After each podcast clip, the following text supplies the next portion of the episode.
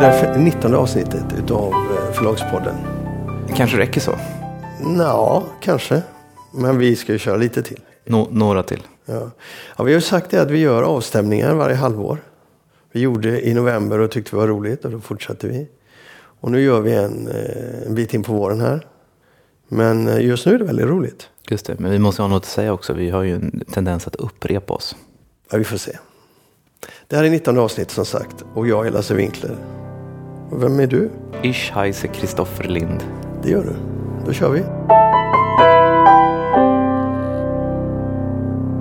Du, eh, du och sociala medier, Kristoffer, ni är inte riktigt eh, kompisar eller?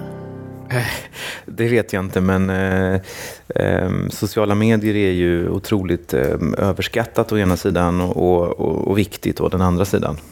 Men eh, det talas ju väldigt mycket i eh, förlagsbranschen, eh, inte bara i förlagsbranschen, i hela samhället talas mycket om att man måste finnas på sociala medier. Och I bokbranschen så är det väldigt mycket jag har väldigt mycket fokus på sociala medier och min lilla spaning är väl att det mesta vi gör är meningslöst. Jaha. ja. Kan du utveckla det? Nej, men eh, det, eh, i takt med att alla finns på sociala medier så har ju också förlagen börjat finnas på sociala medier, på, på Instagram och kanske framförallt Facebook. Och det finns på förlagen en stress kring detta. Jag har sett här under hösten att vissa förlag har börjat lägga ganska dyra pengar på att göra olika filmer och liksom göra trailers kring böcker och sådär som fladdrar förbi Facebookflödet. Och det är klart att man, man ser det där, en bok här och en bok där, men det där betyder ju ingenting, det gör ingen skillnad och det är nästan meningslöst. Men förlaget gör det för att man, man känner att man måste hänga med och man upplever att man måste visa författarna att man gör någonting. Men det har inget genomslag och det är ganska meningslöst. Och ju större förlaget är, desto meningslösare blir det. Varför? Därför att eh, själva poängen med sociala medier är ju, är, är ju personlig. Alltså du, för att nå ut genom bruset så måste du ha en personlig röst, ett personligt tilltal. Och det är därför som individer kan lyckas väldigt bra. Alltså, du, kan, du måste ha en, en, en egen plattform.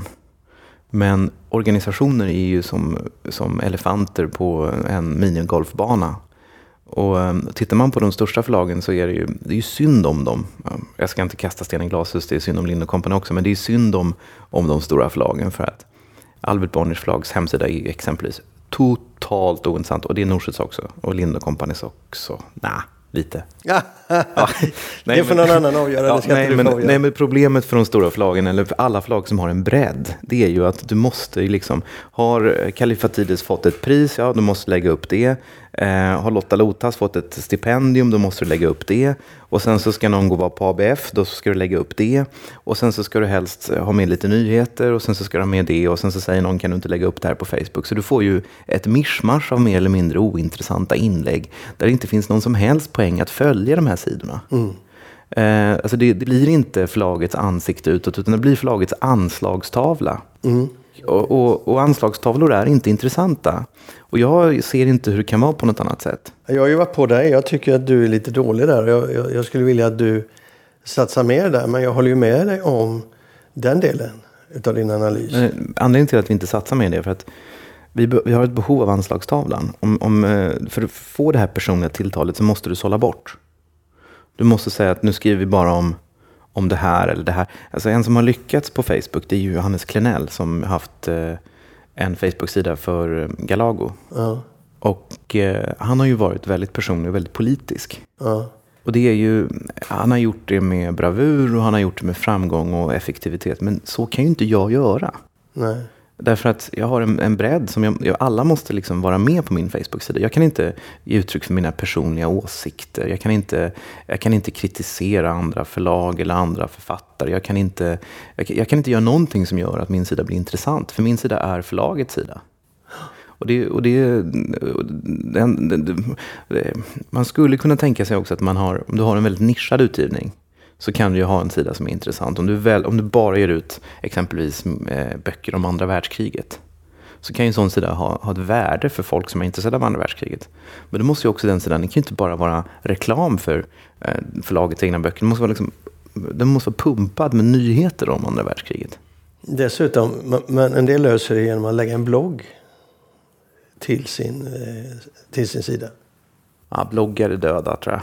Ja, jag har läst det. Men den, alltså de, enda som, de, de enda som har, eh, på Facebook idag så går ju mer och mer mot, det som styr vad du ser och sånt, det går ju mer och mer mot rörliga bilder och sånt. Ja. Så det är svårt med texter. Men eh, de, de enda som har lyckats på sociala medier är ju Svensk militärhistoriskt bibliotek.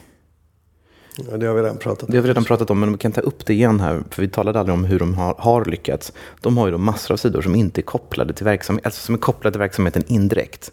De har en sida som heter Krut, eller inte Krutraketen, men de har en sida som heter Ofredsår.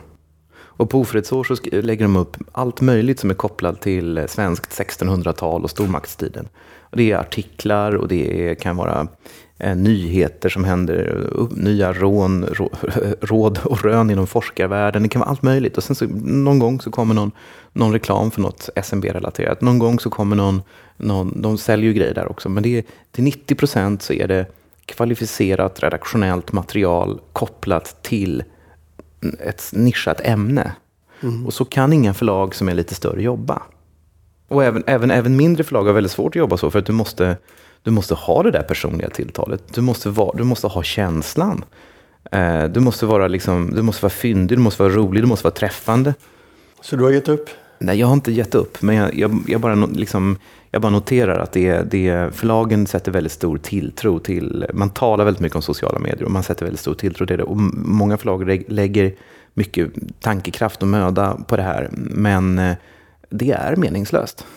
Eh, och eh, det var för övrigt en, en, en av de väldigt intressanta saker som Håkan Rudels sa på den där hemliga NOFF-träffen som vi har som inte var så hemlig? Nej, det var inte så hemlig, men vi har, vi har gjort den allmänt känd.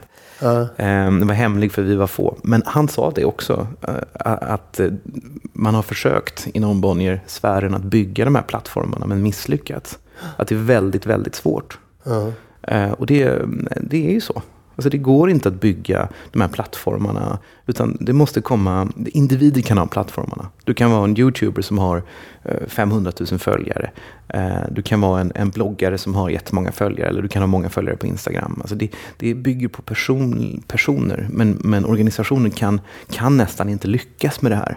Och det är många gånger så hör man även författare som har en, en lite eh, förljugen och Eh, lite sådär eh, ja, eh, naiv uppfattning. Många som säger så här, ja, jag, har börjat blogga lite om min bok nu och sådär. Många författare lägger upp, gör författarsidor. När den ska komma med en bok på Facebook så lägger de upp en författarsida. Och då gör de några inlägg och så får de hundra vänner som går med.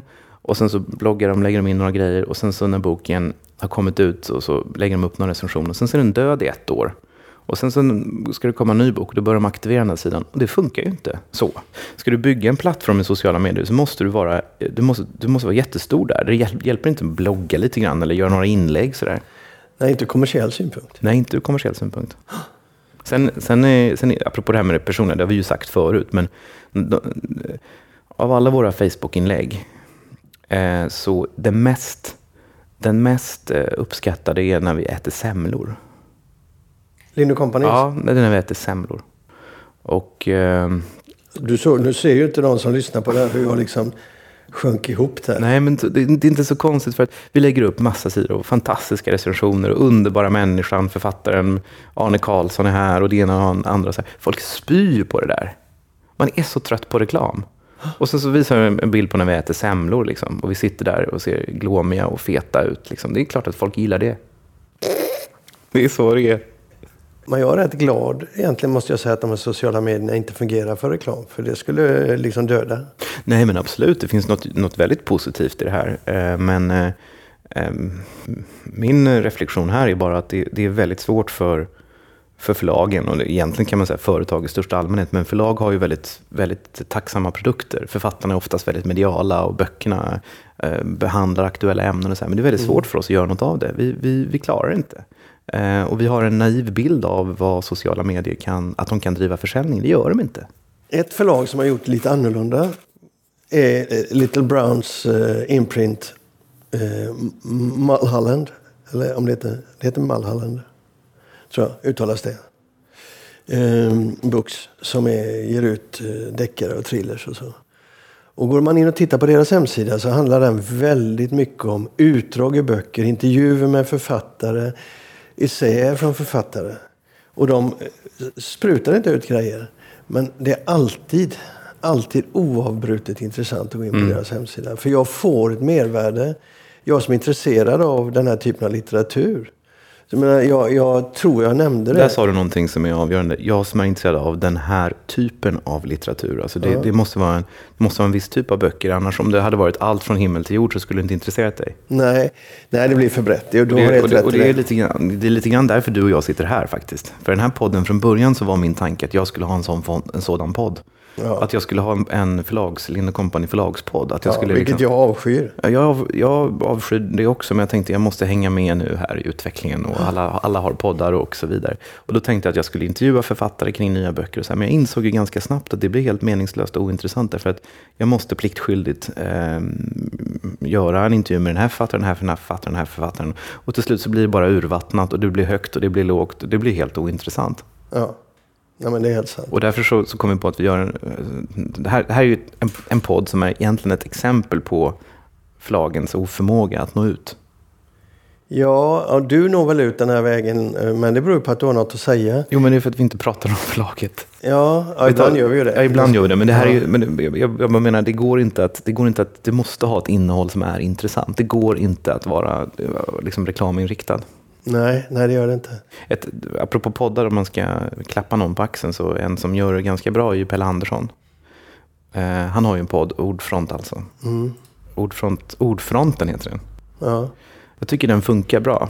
Eh, Och det var lite den som, eh, som gjorde att jag tänkte att jag kanske ska ha en egen podd. Men då insåg jag att det funkar för, för Ordfront därför att de har väldigt mycket böcker som alla har en, någonting gemensamt. Och det är nämligen att liksom, det finns ett politiskt engagemang. Och det där är ju så tacksamt. Och det, och det, och det gör att du kan, och det är oftast väldigt eh, engagerade, samhällsengagerade böcker. Eh, och du, är du intresserad av en sån bok så är du oftast intresserad av en annan. Och det blir intressanta samtal. Eh, Men har du då ett förlag som inte är så ideologiskt eh, nischat eller liksom eh, nischat i övrigt så är det helt omöjligt att liksom få en röd tråd i, i den typen av, av diskussioner. Nej, men vi har ju sett själva när vi pratar böcker att det enda gången det fungerar, det är när det finns en berättelse runt boken. Ja, jo men du, vi har ju talat om det, vi måste tala mer om böcker i podden. Men Ja. det måste ju finnas en, en naturlig ingång i böckerna. Jag kan inte bara ta upp en av mina böcker och säga läs den här. Nej, jag, jag märker det när jag ska berätta böcker och jag har läst den här för att den är så och så och så. Att det är svårare. Jag blir inte så konkret. Så att jag tänker ändra mig. Och bli mer konkret. Var? Nej, var någonstans här i podden?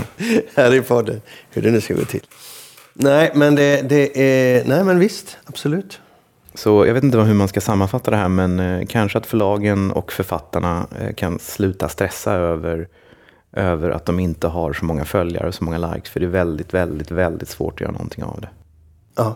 Och även, ska jag säga, det finns många, några få författare som har väldigt många följare på Facebook, men en del av dem lyckas ändå inte driva försäljning. Nej, det kanske inte Jag ska inte säga något exempel, men, men det, är, det, är inte säkert, det är inte säkert bara för att du har den här plattformen. Det är inte säkert att du kan styra den till, till bokförsäljning. För att oftast har personerna den här plattformen för att de är kända för någonting annat. Men sen handlar det också om, jag, jag har lite svårt för det, att jag förstår utgångspunkten från ett förlag och någon som arbetar eh, med att sälja saker. Att de vill ha en plattform för försäljning. Men ibland är det bara en plattform för, för intressanta och viktiga samtal. Men då får man ju fråga sig hur mycket tid man kan lägga ner på det. För de flesta författare, de flesta som jobbar med det här, de börjar och sen lägger de ner för de hinner bara inte. Nej, men de kan inte heller. Men det finns, men det finns och det är själva poängen bakom det här, den här diskussionen, det här inslaget i podden, det är att det finns en naiv tilltro till att bara man, för att man finns där så, så händer någonting. Bara för att man lägger upp någonting så händer någonting, men så är det inte. Fast det är länge sedan man tänker så. Jag tycker många gånger så är det, det är inte sällan, det är ganska ofta som vi har författare som säger kan ni inte lägga upp min bok nu på Facebook? Och det är ganska ofta vi har författare som har någon recension eller någon intervju i någon regional tidning och så säger de kan ni lägga upp den här på Facebook? Vi har ju varje dag fem, sex sådana där saker som vi kan lägga upp. Men Vi gör det inte, för det är inte intressant och det får två likes och ingen ser det, bara fladdrar förbi. Samtidigt så fattar jag ju författarna, för de, när de väl blir uppmärksamma någon gång så vill de ju att folk ska se det.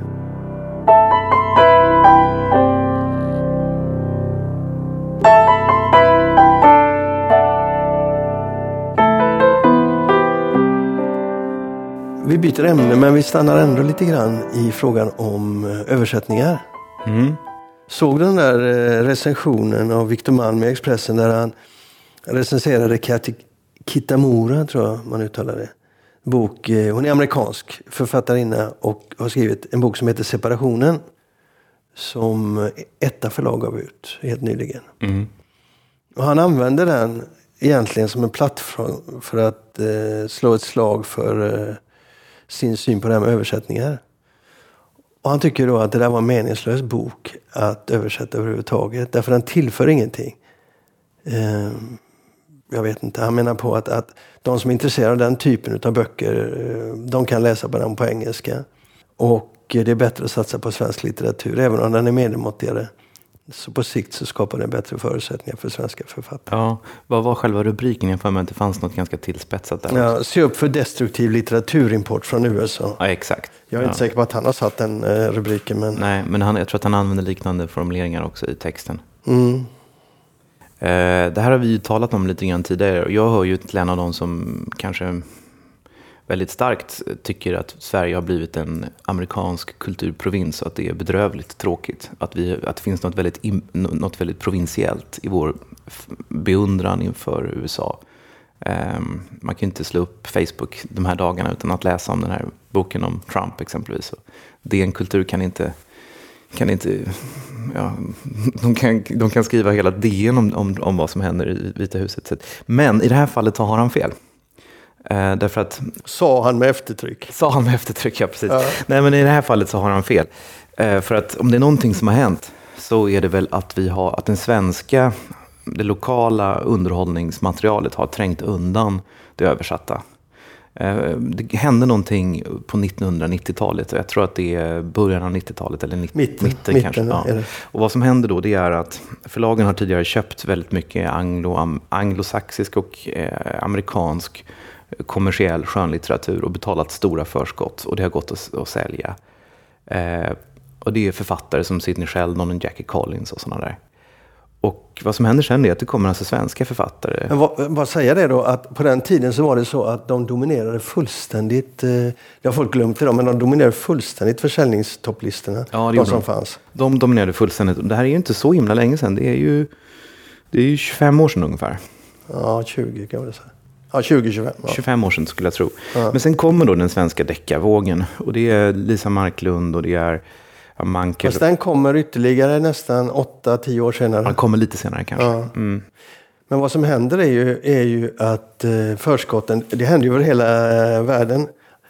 Kraven på förskott är så stora så att man bör vända sig åt andra håll och så bör man inse, vänta lite, om vi har en svensk författare så kan vi lansera boken bättre. Vi kan sitta i, i morgonsoffor och prata om böckerna. Och vi kan göra marknadsföring på ett annat sätt. Mm, så är det. Sen, sen, sen, var det väl också så att den här typen av böcker som de här amerikanska och engelska författarna skrev eh, skrevs inte av svenska författare för att det var så fult. Och mm. det, var så, det var så främmande för hela våran idé om vad som är litteratur. Vi hade inte den här traditionen av att kunna skriva underhållning, eller berättande underhållning, utan den, mm. kom, den kom senare och nu har vi blivit ganska bra på det. Och eh, för att ansluta till vår diskussion om översättaravtal, så idag så har förlagen jätteproblem med att sälja även eh, underhållningslitteratur i översättning. Så att vi har, och man har även kvalificerad även sådan? kvalificerad sådan. Ja, så vi har, vi har dragit ner på det kraftfullt. Så att även om recensenten kanske i det här enskilda fallet har rätt i att den här boken var meningslös att översätta, så är inte det en allmän synpunkt som jag tycker har giltighet längre. Därför att det är tvärtom så att det finns otroligt mycket bra som vi inte kan översätta för att det finns, inget, liksom, det finns ingen nyfikenhet på det översatta. Och det svenska, det provinsiella, det lokala har fullständigt trängt ut det amerikanska och det engelska. Jag är ju en av de som tycker att detta är väldigt tråkigt därför att det finns enormt mycket intressant litteratur runt om i världen som aldrig liksom får någon svensk språkdräkt och därmed inte heller blir en del av det offentliga samtalet. Jag tycker det är extremt tråkigt. Och det är ju inte bara det amerikanska vi pratar om. Det gäller ju ännu högre grad andra språkgrupper. Ja, alltså det amerikanska det är intressant vad gäller litteraturen därför att det amerikanska dominerar ju oss och väller över oss och plattar till oss vad gäller politik, nyhetsbevakning, vad gäller framförallt kanske film och, och, och eh, tv-serier. Men på, på boksidan och skönlitteraturen så är det ju England som fortfarande är störst. Mm. Det är, Linda Company översätter ju väldigt få titlar från amerikanska, men ganska många från engelska. Um, jag skulle tro att våra, våra relation där är kanske 10-90. Men det har att göra med också vem, vem du är? Det har att göra med vem jag är och vem förlaget är. Men, men, men, men jag skulle säga att jag kan inte säga vad, vad, hur statistiken ser ut eh, för svenska förlag generellt sett. Men det är svårare med amerikansk underhållning för att USA är oss så annorlunda. Det finns mycket mer engelskt som är som, som du är mer Europacentrerad än vad de flesta Nej, jag, skulle, jag, nej min, min, jag är det, men min poäng är att just USA i litteratursammanhang exporterar mindre än vad England gör. Mm. Eh, vi, vi, tar till oss väldigt mycket amerikanskt i övrigt, men litteraturen är lite svårare. Svenska, ja, det, svenska, det... svenska förlag, menar, vi kan ju räkna upp hur många författare som helst. Som, som eh, Peter Robinson, Dennis Mina, Um, du pratar du deckare så? Ja. ja, vi talar ju underhållning. Mm. Och det är inte amerikaner utan de är uteslutande engelsmän. Mm. Jag, jag har ju en del hårdkokta amerikaner som ständigt jag lanserar men som absolut aldrig Nej. får någon volym i Sverige. Och många har ju försökt att etablera en del av de namnen men de, de fastnar aldrig. Nej, de gör inte det. Och det är ju också speciellt med USA därför att USA har ju bredden. Alltså det, mycket av det sämsta som produceras kommer från USA, men också mycket av det bästa som produceras. Så att, eh, naturkultur har ju ganska mycket amerikanskt på sin lista och det är ju väldigt, det är väldigt bra titlar, väldigt utsökta liksom, författarskap. Eh, men, eh, så det finns, ju, liksom, det finns ju otroligt mycket i USA, men de har ganska lite som är riktigt, alltså, som, som, slår an för oss kommersiellt, för det skiljer sig ganska mycket. Vi tror ju oftast att amerikanska är oss så nära, men det är ganska främmande. Ja, fast samtidigt, det är också lite intressant som folk inte tänker på. Rickard Herron då, som är chef på Natur och kultur, mm. han är ju mer USA-orienterad eh, än vad du är. Mm. Eh, han har ju rört sig mycket mer i de kretsarna. Och, och det märks också på förlagets utgivning.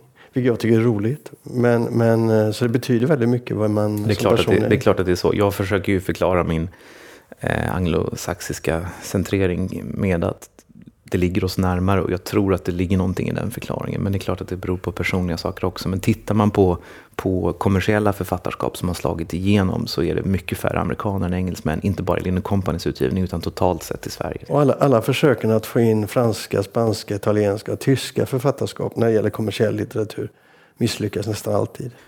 Ja, det gör det. Eh, det är väldigt tråkigt, men så, det, ibland kan vissa enskilda böcker slå igenom. Så är det. Men eh, vad ville vi egentligen säga med det här inslaget? Att eh, recensenten i det här fallet hade fel. Vi, vi, vi, är en amerikansk kulturprovins när det kommer till nyhetsbevakning och tv och film, men inte vad det gäller litteratur. Och att den översatta kommersiella litteraturen också är hotad. För att vi vill bara läsa svenskt. Och hur bra är det? Ja, tråkigt som fan. Tack för den. Då eh, byter vi ämne igen.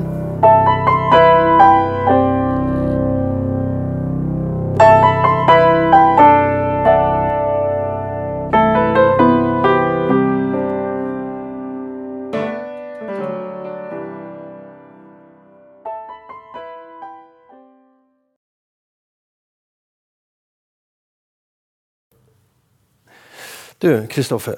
Du var ju i London i julas. Och då upptäckte du en gammal vän till oss. En gammal vän till oss? Ja, frågeställningen. Jaha. Du är så... Rolig.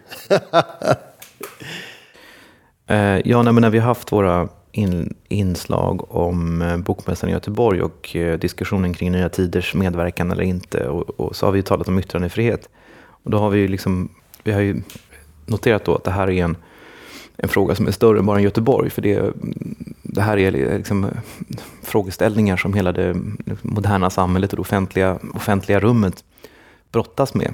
Och inte bara i Sverige. Du har ju tagit upp att det har varit en stor sak på amerikanska universitet. Och när jag var i eh, England i julas så fanns en liknande diskussion där. Ehm, det, var en, det är en professor i Oxford som heter Nigel Bigger. Och han är då professor i moralfilosofi, moral, filosofi, teologi, någonting sånt.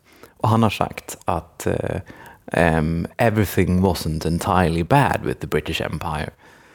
Uh, och det här har då skapat en enorm då protest. Det är 60 stycken akademiker som har skrivit på protestlistor och han ska inte få uttala sig, han ska inte få prata på universitetet och sådär. Och då har eh, detta har lett till en sån stor debatt och skandal då, så att den brittiska ministern för, för utbildning Eh, de säger att de ska lägga fram ett nytt förslag som gör att de ska ha någon slags eh, det finns en organisation som eh, överser universiteten och alla universitet som, som finansieras med public money ska helt enkelt kunna beläggas med straffavgifter om de behandlar professorer så som Oxford University har behandlat Nigel Bigger. Mm. Ja, det där är intressant. Alltså, det är ju, spelar ju, egentligen för mig är det så här. Eh, nu var det lite harmlöst kan man tycka eftersom eh, imperiet i sig inte existerar längre. Men det är klart att bakom det finns väl Nej, ännu det i här- mina här- ögon osmakliga det här, är en, åsikter. det här är en jättelång och klassisk eh, diskussion i England som har pågått länge. Det kom ju Nigel Ferguson som är en brittisk, eh, ganska konservativ historiker. Han skrev en bok om, om The Empire för några år sedan också, där han lyfte fram en del positiva saker med, med imperiet. Och den var också enormt kritiserad. Och, eh, det här är ju en fråga där också då, precis som Bokmässan i Göteborg, märkligt nog, blir det en fråga om höger och vänster. Är du vänster så kan du inte se någonting positivt med imperiet. Eh, är du höger kan, kan, kan du tillåta dig att, att uttala dig på det sättet. Så det blir ju väldigt, väldigt polariserat kring ganska fåniga uppdelningar kring höger och vänster. Men det är en väldigt politiserad fråga i England. Men överhuvudtaget är det ju så idag. För det var inte bara det exemplet utan eh, det är fler exempel i, i USA där man mer och mer på universitet eh, vill bojkotta åsikter som man inte delar. Och det där tycker jag är, är väldigt, väldigt problematiskt. Samtidigt, jag menar man måste kunna hålla två bollar i luften här fortfarande. Du måste kunna vara kritisk till det som sägs utan att eh, vad heter det, censurera. Men det är klart att när du kommer till sådana här situationer där du uppmanar till konkret våld och, och brott mot lagen och, och och vad du vill så, så kommer du ändå till situationer där du måste kunna säga nej.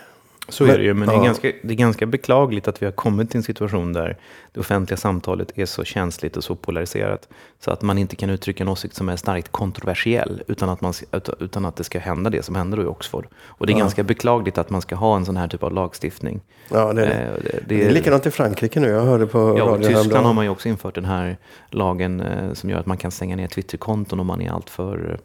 Eh, Ehm. Ja, det är bekymmersamt. Ehm, men- kan det, det har ju också att göra med att eh, samhället förändras så fruktansvärt snabbt och folk blir osäkra och rädda. Och så tar de det säkra för det osäkra och hellre tysta motståndaren än att eh, slåss för yttrandefriheten. Det blir inte så bra inlägg det här va? Ah, det är ingen dåligt inlägg heller, men vi, allt måste inte vara på topp. Det här var bara en, det här var bara en, eh, en pendang, en parallell liksom, till en diskussion vi haft tidigare. Jag tyckte det var rätt kul med den här moralfilosofen som har blivit avstängd och den här nya lagstiftningen. Det är väl gott så. Ja, det här var 19 avsnittet av Förlagspodden. Och eh, vi är fortfarande så. Vi är fortfarande kompisar. Oh ja. Ja, så vi har inte varit tillräckligt kontroversiella. Vi får försöka nästa gång. Hej med er! Hej då.